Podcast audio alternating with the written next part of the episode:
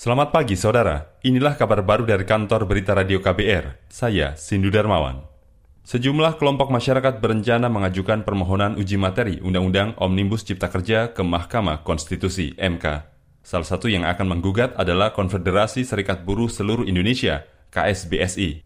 Presiden KSBSI Eli Rosita Silaban beralasan tak ada satu pasal pun yang menguntungkan buruh di dalam Undang-Undang Cipta Kerja, justru merugikan.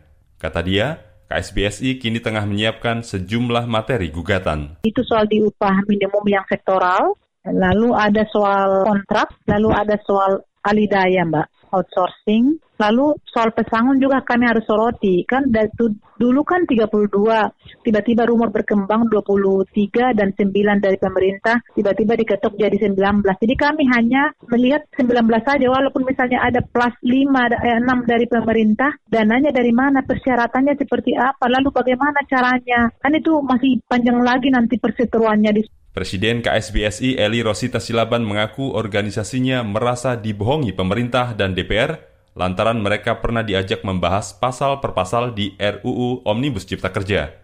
Namun tidak ada satupun saran KSBSI yang diakomodasi secara utuh. RUU Omnibus Cipta Kerja disahkan dalam rapat paripurna DPR pada awal pekan ini. Pengesahan dipercepat tiga hari dari jadwal Kamis.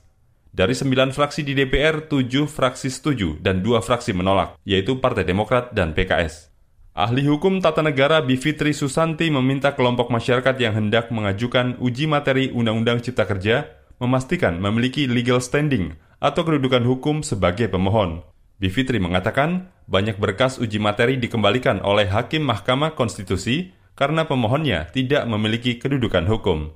Syarat formil itu antara lain soal kompetensi pengadilan, legal standing pemohon, dan kejelasan permohonan. Kalau soal kompetensi, saya kira pada umumnya uji materi ke Mahkamah Konstitusi ataupun uji formil biasanya sudah uh, tepat dari segi kompetensi karena memang Mahkamah Konstitusi yang mempunyai kompetensi itu. Yang perlu dipastikan bila ada yang mau mengajukan nanti uh, Undang-Undang Cipta Kerja ini ke Mahkamah Konstitusi adalah satu legal standing para pemohonnya. Ahli hukum tata negara Bivitri menjelaskan, jika serikat buruh ingin mengajukan uji formil, maka harus dipastikan status badan hukum serikat buruhnya, serta dibuktikan dengan kerugian konstitusional yang dihadapi terhadap pemberlakuan Undang-Undang Cipta Kerja.